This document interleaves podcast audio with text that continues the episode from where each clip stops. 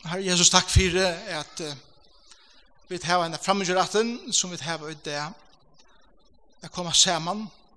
Vi er så imisk her i morgen. Vi har imist av hjertet, vi strøyast vi imist, vi gledast om imist. Men tar vi det her og sitter her eh, synsja som år, som lælen, ja, så er vi det eit og som vi sitter under tunn året som vi prædika i morgen, så er det hans hjemme og teker det som vi har sagt inn i omstående til hver enstøkken og gjør det særlig for ham og for henne. Og jeg ber meg til å gjøre det her i morgen, Herre, her som vi det er, at du skal møte dere her. Og jeg takker for at du ikke krever at vi skulle være av en avvisen steg i livet noen for at du kan komme til dere. Og men du kommer til akkurat akkurat her som det er. Og det blir om at du vil hjelpe oss når du åpen for det, at du skal gjøre morgen. Signa til år, gjemmer styrke, myndeleika, og nøye og eimleika, at tala til år, bygge her om at det skal være år som taler, og teksteren som vil lesa, utlagter, som skal avvirka okkara liv så leis jeg vet for jeg steg til det, ikke som vi kommer, til vi er nomen av det her.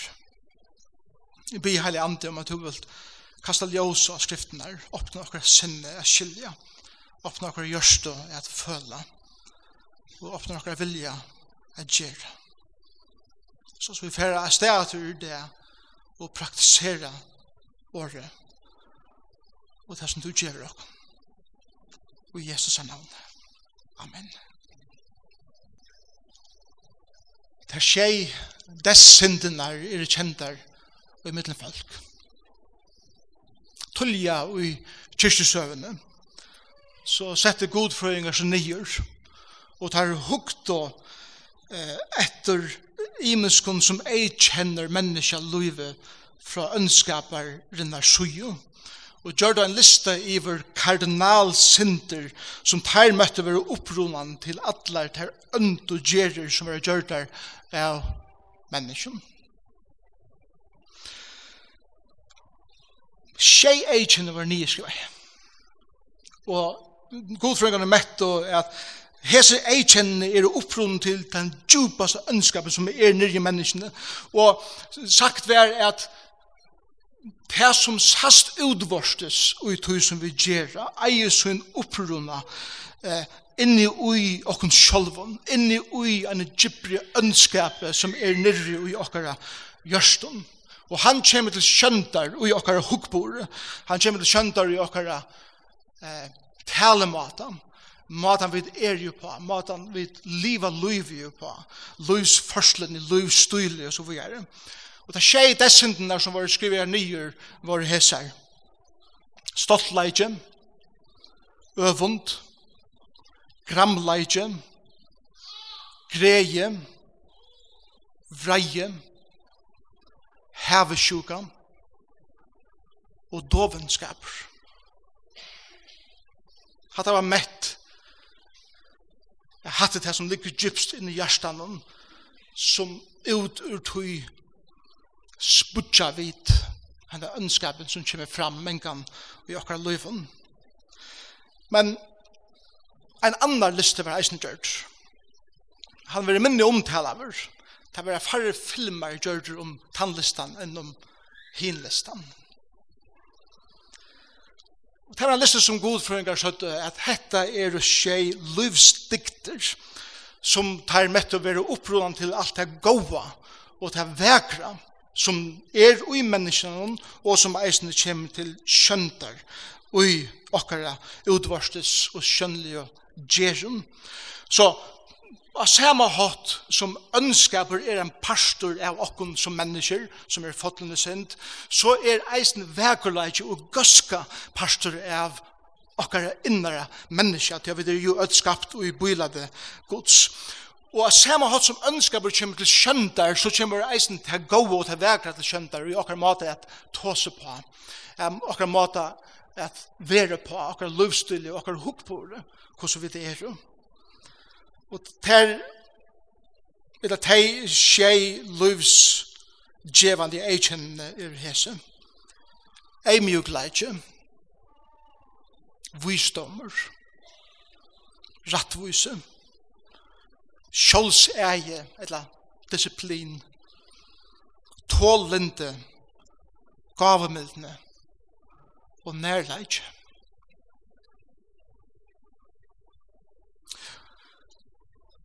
Så sødde godfrøyngene sjåleis at det er et avhaldende strøy inni ui menneskene, i middelen kardinalsyndene, eller dessyndene og livsdiktene. Men det var en djup samføring om Og så sier det så leis, at eimjugleidje vinner av stoltleik. Visdommer avluivar øvund. Rattvise dreper gramleika. Sjålseie sikrar av greie. Tålende teker bostur vreie. Gavemeldene gjer enda av hevesjuka. Og nærleikje beiner av venen dovenskap.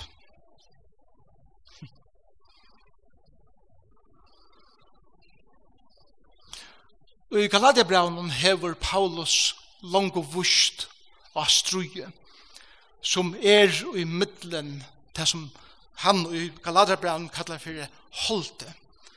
Holdte i skriften er han parsten av okkara vere som er fotlen og synd og som er opprunnen til han ønskapen som er ui okkon. Anden struje mittel holdt jo andan, anden, anden sibar sjående til heile anden, heile andan, som skaper ui okkun, tar egenleikan der, som han soar i nokre liv, som avspekla hver god er, og ta vekra og ta goa. Og hvis du være slå opp på Galaterbrev kapittel 5 og lesa til versene som vi sipa til og i det. Og Iva hever anker spurs Paulus som, man, som vi tåsar om senast han tåsar om at det her at Holde og anden er i struiv i hver annan. Men vi eier at ha fokus på heile andan, at genga ui heile andan, og genga takt vi heile andan, og at vera leit av andan. Så kanskje ut fyrir mer, at hvis jeg suttje sena fyrir mer, at Paulus prata ikke leit i menn, og anker sier, Paulus, kan du uh, lysa fyrir okkun?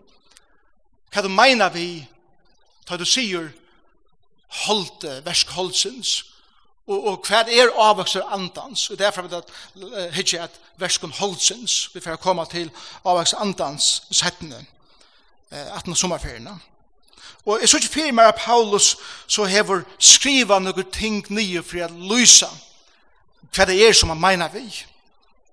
Og det som er viktig i sin listan som Paulus så skriver i Galaterbrevn er til at dette er ikke en fullkommen endalige liste av taimon synden som høyra til verskholsens, Det han sier, som vi får sutja, til han kommer til endan, og at husen vi tar om i det, sier han, og anna tøylukt. Så, så dette er bare noe døme om den ønskap som vi ødel heva potensiale til, ødel av okken, heva potensiale til dette, som han sier, og i som versen. Så, Galaterbrevet, kapitel 5, vers 19 til 21.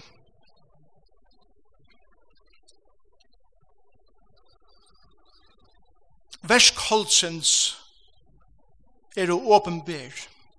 De er om siløse, årenska, skamløse, avgutta durskan, gantur, futjenskaper, klantur, kappingar hovor, vreie, strui, flokka flokkadrotter, øvund, mor, drittjeskaper, svirr og anna tøylukt som er sier til om framan undan.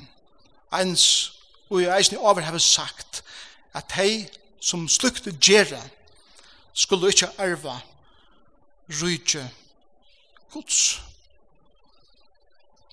Og du hugsa, uff, hvor kom jeg møte i det?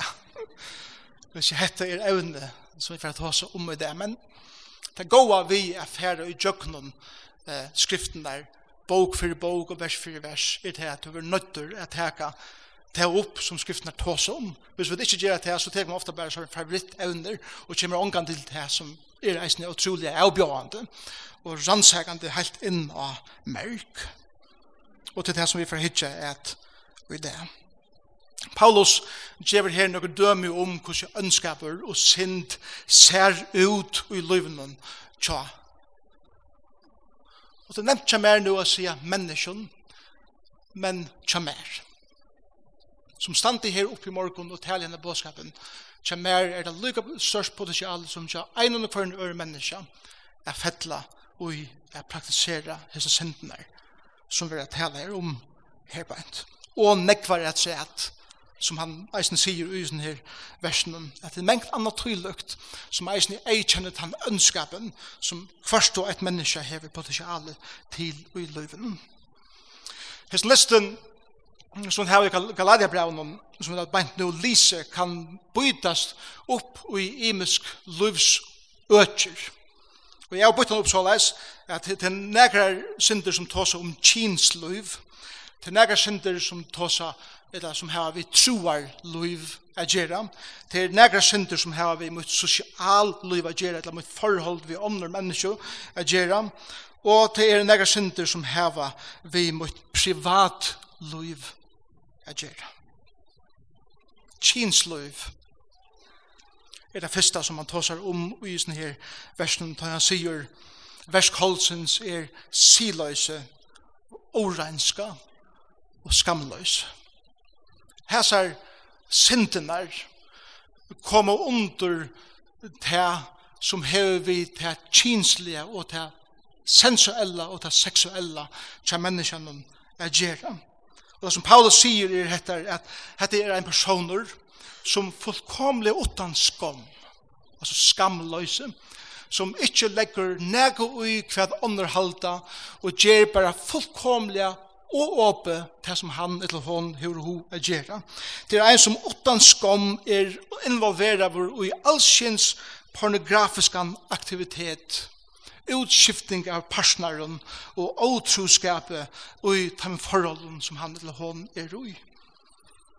Siløse er åtroskaper, årenska er å være innoverer og i alt mulig innanfyr til kinslige som drever til vekra og reinleikene av det kinslige som Gud skapte det til og i djøkken et dujtje og det skite og tvite og året og vannløslet.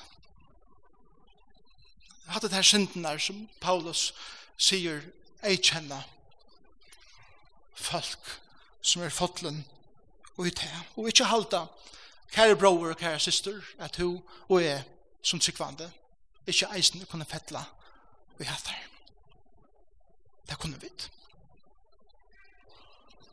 så sier han hvor er det at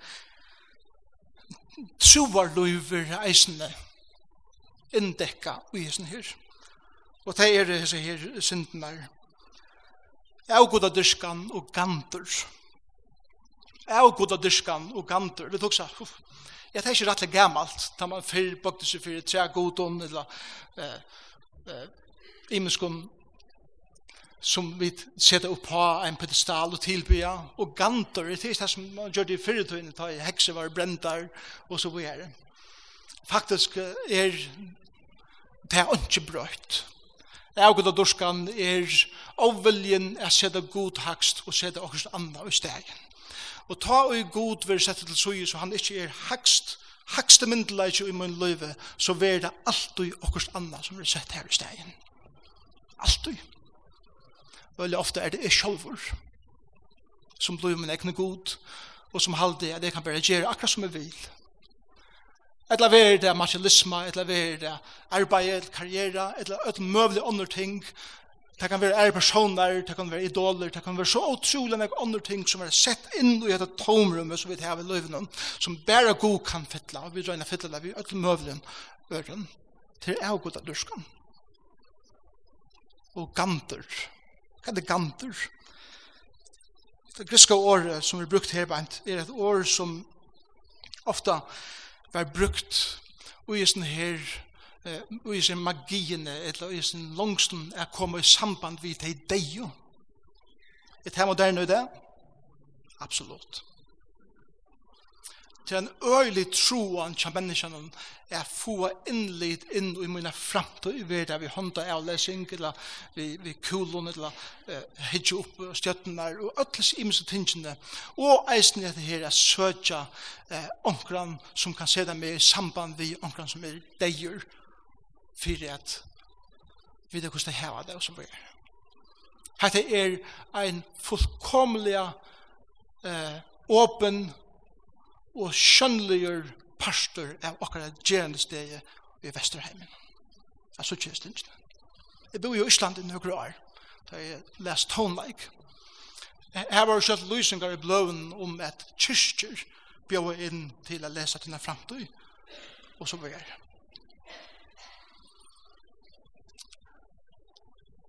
Hesten er hoveren at få meira vite om det mystiske, drever øyla nekv, særlig ung. Og han kan dreja så nekv at det som hever vi god er gjerra, fettler i bakgrunnene og hitt blir nekv mer spennande. Og arma vi det er, så er man bunden og flakter inn i spinnevever som er utrolig torrførst. Jeg kommer ur at. Og vi sitter ikke halvdelt et eller annet til i fyrjen, så skulle det hoksa det kunne nekra fyrir om. En reka eller andar ut er ein tænaste som er sjolver er vi ui. Og er færre inn ui livet av feltje, og her beinleis vi til a gjerra. Den parsa min er tænast. Det er ikke bare nere til farsaste Afrika og er stannar slukkong for seg, eisen i okkar land. Og vi har bruk fyrir jeg vera oppmerksomme på til rævlige bond vi tar lekkere av mennesker. Det tredje området er sosial liv. Livet sammen vi øre mennesken. Og til er ser er en listen over ting som, som hender i relasjonen i midtenfall. Ta i holde som er ræver, futjenskaper. Jeg vil ha futjendalige sinne over i måten øren. Det kan være til at jeg har banna upp på at jeg vil ångande fyrirkjeva. Hvis du ikke hvis du er personer som har sett her fire, at du ikke skal fire kjøa at det fire etter et landa, så er du fortjent av syndavur. Og det er en synd. Klantor. Hessen personeren som, hver han som kommer, eller han som kommer, så er alltid klantor børsrur. Alltid et, et elva strui i mittlen folk kappingar hår. Det har spett at det her til å komme på listan, ikke det?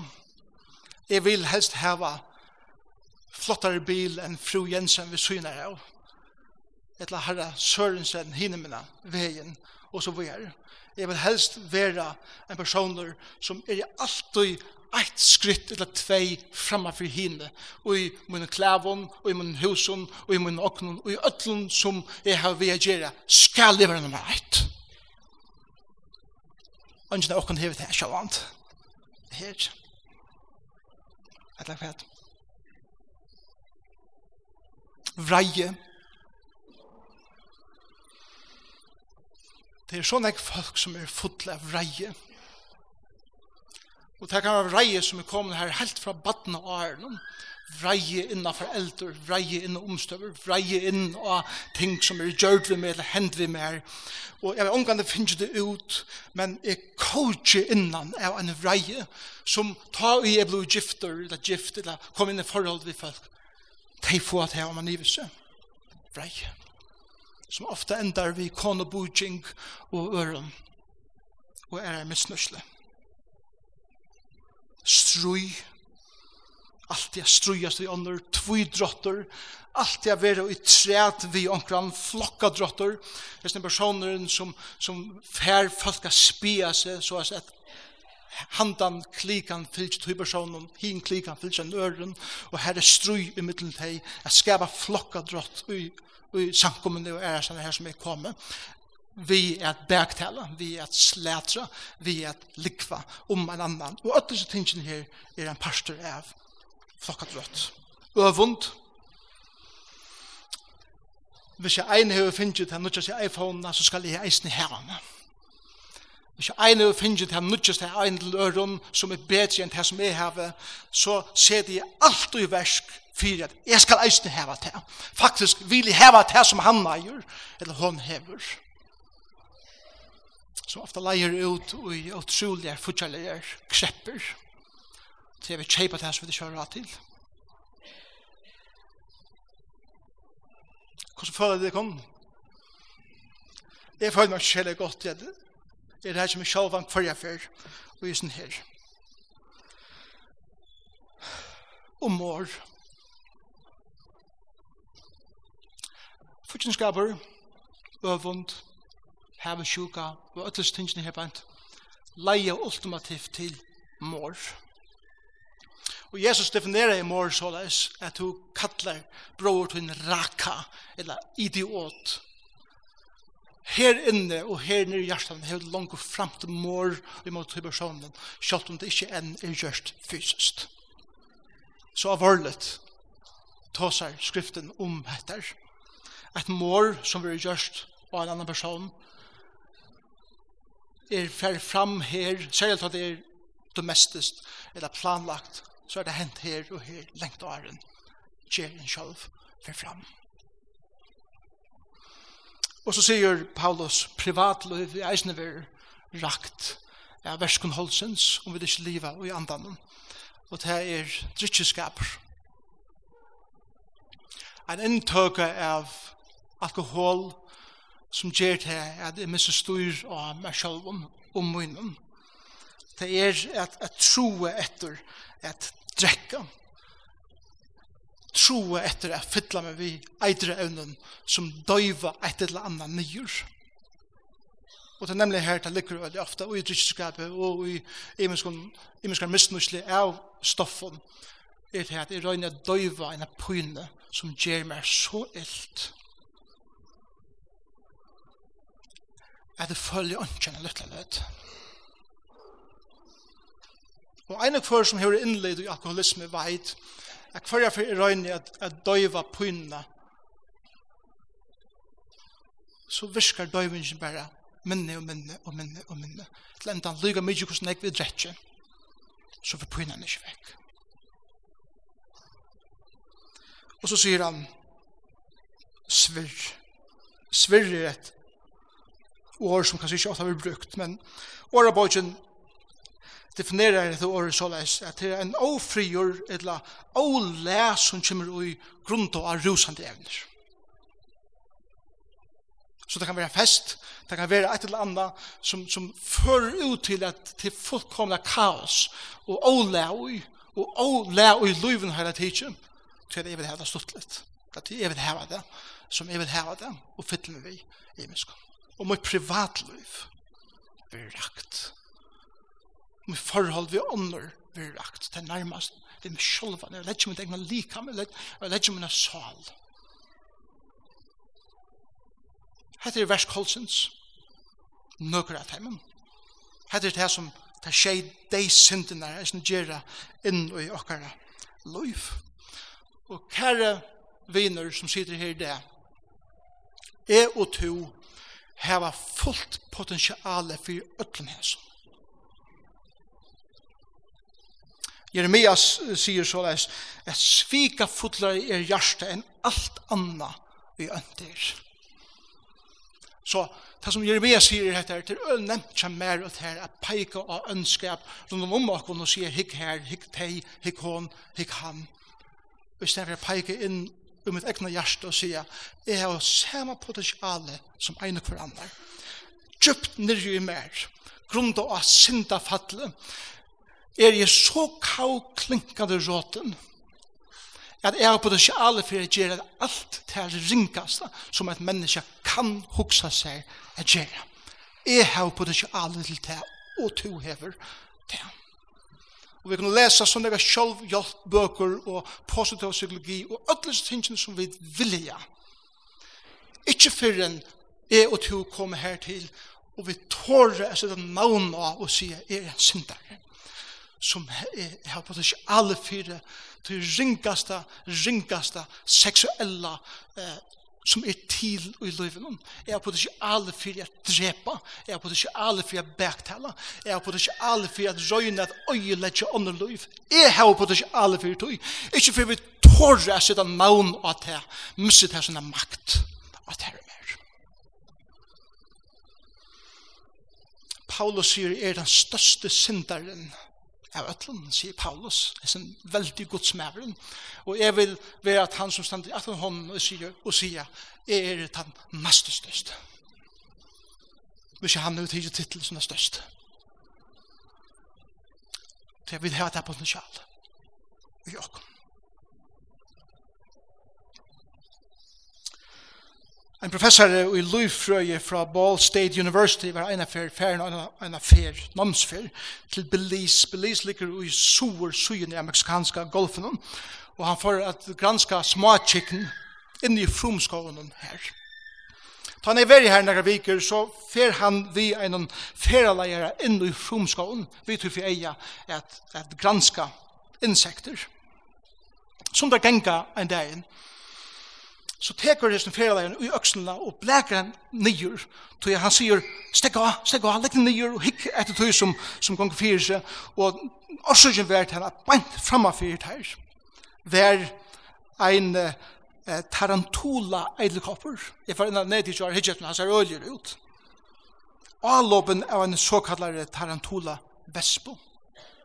Så det er samme navn, men det er eidelkopper og en vesp, eller veps. Vepsen har rente seg nyer, atter og atter, etter eidlekoppen, og medan eidlekoppen rønte jeg få sånne klør ui vepsene for at kunne gjøre enda av henne og sprøyte sånne eitrande gift inn og hjemme. Hette helt av i flere minutter, inntil knapplige. Så rente vespen seg nyer ui eidlekoppen og stakk han beint ui bugen.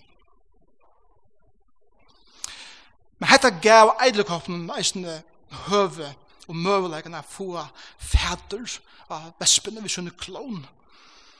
Og han rente sånne gift inn i vespene. Sprante inn i henne av sånne giftige stoff. Og han løte lov av vespen og eidlekoppen bæg pura stilt.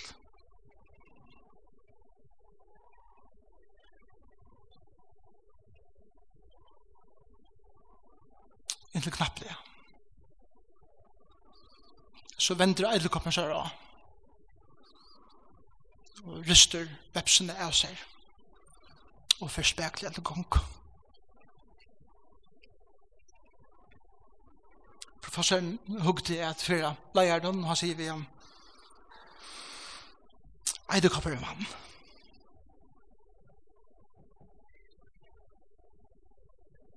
Det ser så løs ut. Det sier ferdeleieren.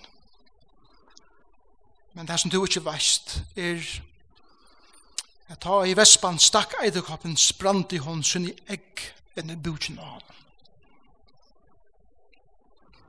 Og sjålt om det ser ut som eidekoppen er vann, så fer eggene til vepsene er vekse inni i bukjen av eidekoppen. Og det fer ikke enda av hånd og ut ur eitekoppen fer futsjenden sjølver jeg kommer.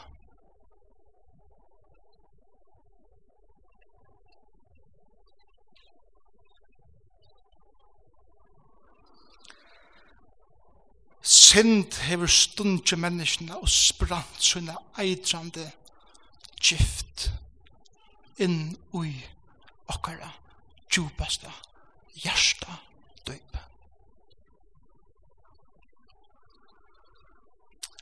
Og enda mynden er en stersk mynd av hva synd gjer i løyvnen tja en menneske. Vi var eten opp innan fra av synd. Og det er flere tryggvande folk som halda er fralse i Kristus og gjer teg motstøve for i måte synd, og at de kunne leve og lata akkurat som de vilja, utan nægare avleggingar i løyvene. Men så er ikke.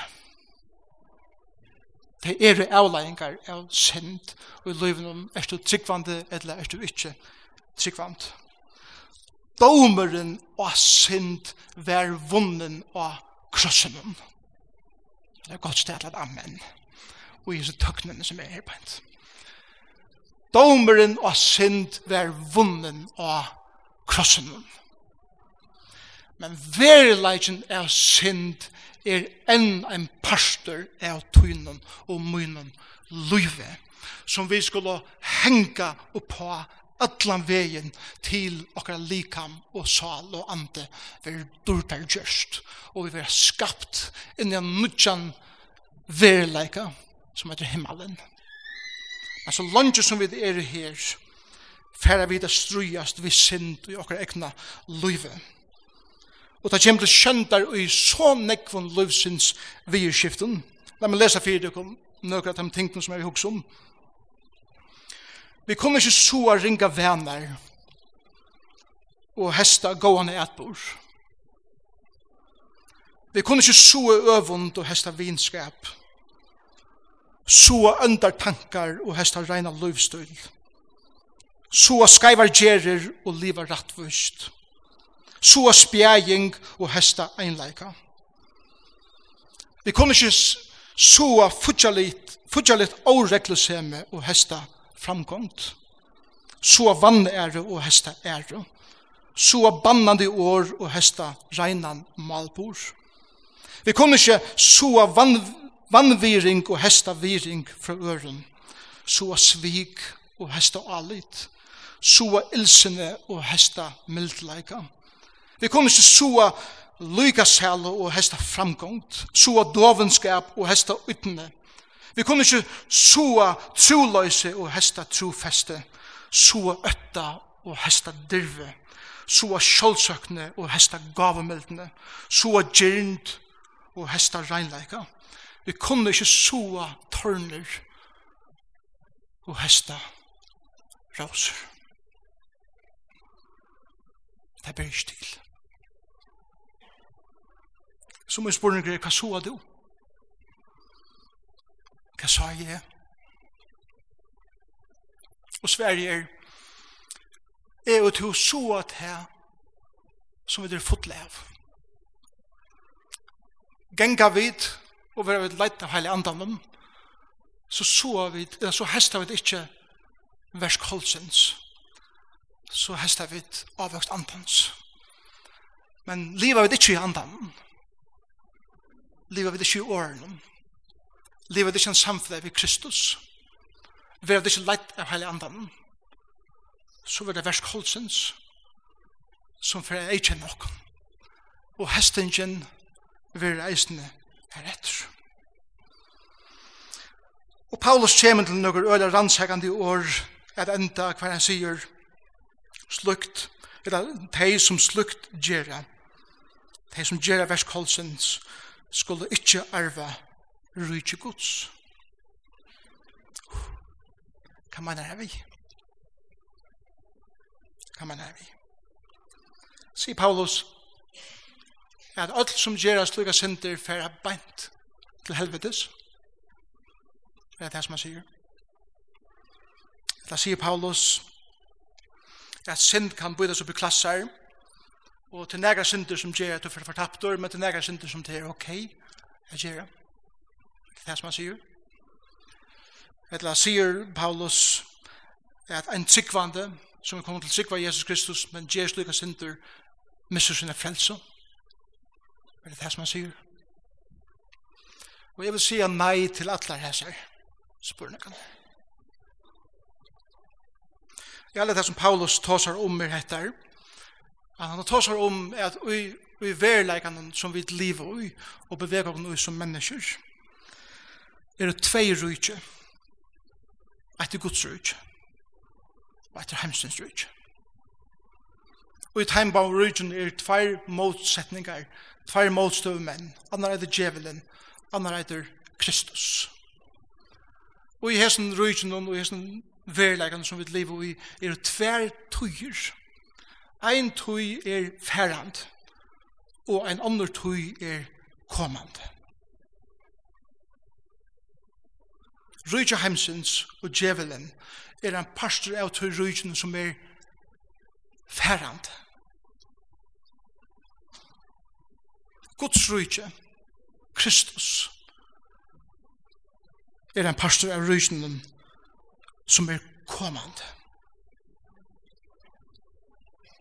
Og det som Paulus sier i denne her versen er til at ein og kvør som velur at liva ut i rujtjen som er ferrande.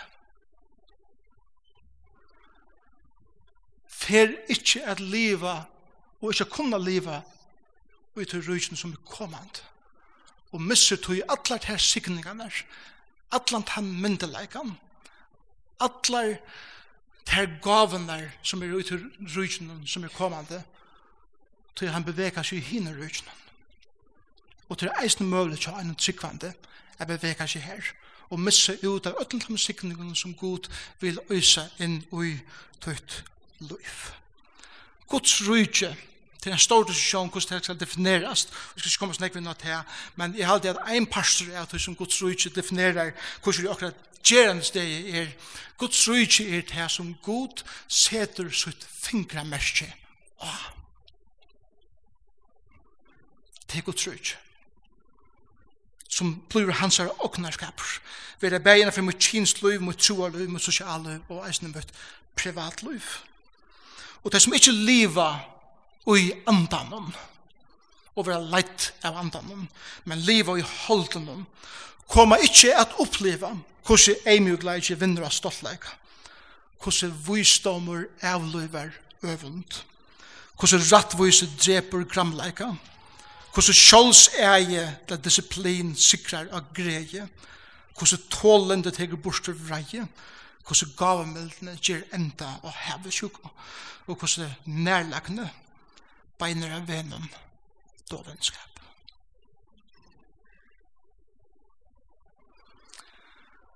Ein holdliger tryggvand er ein tryggvand som ikkje søker til og høyrer til liv og Guds øtta. Men han ei kjennes av en andalegere lykasel. Manglande grundfeste fyrir hver i ere og i munne frelse. Jakob sier til en person som darar sitt egna hjärsta. Jakob sier at han som vil være viner hemsens være av det samme fortjende gods. Hvis du vil heva det som heimeren bjøver, så får du ikke få det som god vil gjøre det her enn med tøtt liv. Det er en halv halvhjertaver personer for det andalige. Som mulig sitter av møte i løvdene sundag morgen, 18. sundag morgen men bare er her tog et et eller. Men så kjøtt som heter i steg, så fer alt til det som møtt hjertet velja er fullt av. Og til å undras iver hvor det kristne livet tidsest, så rådde og tungt og det er tog. Det er tog vitt liv i holden og ikke andan. En sikvande personer som ikke vil genka i holden fylgje Jesus etter. Pappen min pleier bruka en mynd om tvær gryser om du veist nær en person er veldig endeføtter eller ikke. Alt etter hvordan han volka seg i sendt. Du kan stega du kan stega en grus og slepp den leisan. Hva er det første han gjør? Han renner i rundt ut. Det er naturlig for han er bare her. Men så er det som er sommergruser som vilja være båneier og polereier, vel skrupeier, få henne sløyfi om høttet, Og så kjører utrolig sjarmerende ut. Og du slipper hun leise om kaféen. Bente rundt ikke. Det er naturen som er gruset at gjør det. Han gruset vil omgå det lamp. Hva gjør et lamp til det dette kjenner veit? Det gjør alt for jeg slipper ur. Og en person som hever heilig andan og iser, men velur eller kommer innan tøy i løyvnum hver du lever i synd. God for ikke gjeva deg fri. Du får alltid føle deg som et lamp som vil slippe ur veiden på omkring måte. alltid Og hvis det er pura naturlig fyrir til jeg volga der ui synd og i tøy løyven som synd innebær så er du kanskje en gryser og ikke et lamp. Og du har brug for å vende vidt læreren. Det her er anden gjør at det verste ut her. At du søker det som god til å høre til. Han stod ikke personer fyllt i Jesus etter. Han tårer å kalla synd, synd. Eisen i munnen munnløyv. Sånn egne synd, synd. Han gleder seg over andalige sikninger. Han leitar atter og atter til krossen. Det er endur versen her. Og kære brøver og søstre, vi er kattleie til et frelsesluiv. Men det er frelsesluiv som er liv av kærleksfotlare abyrd. Det er liv er rett. Det er kattla fylgjast vi gode og liv og til verleikan at langt og nu er god til verska at bytja sutt rujtje ut her. Guds rujtje er ut her. Og han kommer vi an nudjar tui, vi an nudjar harra, vi an nudjar dimisjon inn ui tutt loiv som han vil utøysa sine sikningar inn ui tutt loiv, så at tutt loiv kan bera avvøkst andans. Og ikkje være eikjent av verset holsens. Det er nekka som god kan gjere ut her nu. Men det kommer bare hvis du brukar fralse rett. Og frelse som er livet rett, er ikke et liv som er vil, men livet som Jesus vil. Er det skal livet. Og det som Gud har sett sitt fingermerske av, færre ikke trivast og jeg gjør vers kolsens, men det er fra til å bli avvøkst andans. Og avvøkst andans er nekka, som vi får hitje etter settene og søtja hva det er for løy som god innkjør at skapa ut her og mer som er hans her bøtten at herren sykna sitt år, slipper jeg sammen.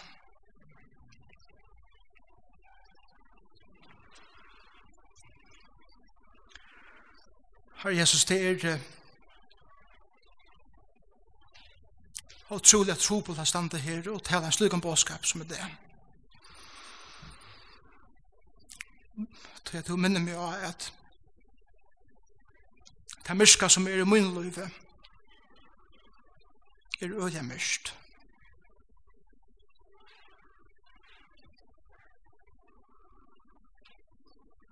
Sjalt goa gjerir og ting som sutja virlig ut kunne hava som sutt motiv og, og troligere sjoldsøkne som gjer det skit ut vidt. Og tog bi her om det som vi nå i døgnet, sånn ega maner her vi oppbygd om hva vi er ut her skulle eisne tåle etter at det bor nega djupt nere i okkara løyve som bæra to kan sløysa som bæra tøyn deie kan vinna som bæra tøyn ande kan tega bursdur okkara løyve og som bare avleggen skal enda gjøre fullkommen enda. En tiltag har vi bruk for det her hele andre at genga saman vidt her uten fotasporen og være lett at her tøyna leir. Jesus er leir. Og vi bi her om at vi og det er tåre at peika åken sjolv og sige er en syndare. Og kan det være at Jeg er ikke njótet her sikningar som rujtje Guds hever fyrir mer til at jeg beveger meg under øren rujtje. Og måtte være så eis jeg vet det se dere om fire at enda vilja sendt som vi ikke vil slippe. Vi ber for jeg vil som en sankumma Ongan må være bensje for jeg tåse om synd og hva synd gjør. Og selv om vi snakker mer om nøye og om frelse og karlæga, så betyr det ikke det. Jeg vet smått jo kan forbo i synd og ønskap. Men det gjør bare til at nøyen viser oss ikke enda mer hvordan rævlig synd er og hvordan fruktlige ønskap er og hva det gjør vi akkurat liv. Hjelp okken at tåra, at sette en maun og akkurat ikke noe synd, for at vi kunne vinne av tøy, i kraft heilig antans. Prøys og ære vi tøyt navn Jesus, takk for at du røpte at det til fullgjørst, ta hver synden dømt. Og en det skal han enda. Prøys og ære vi tøyt navn. Amen.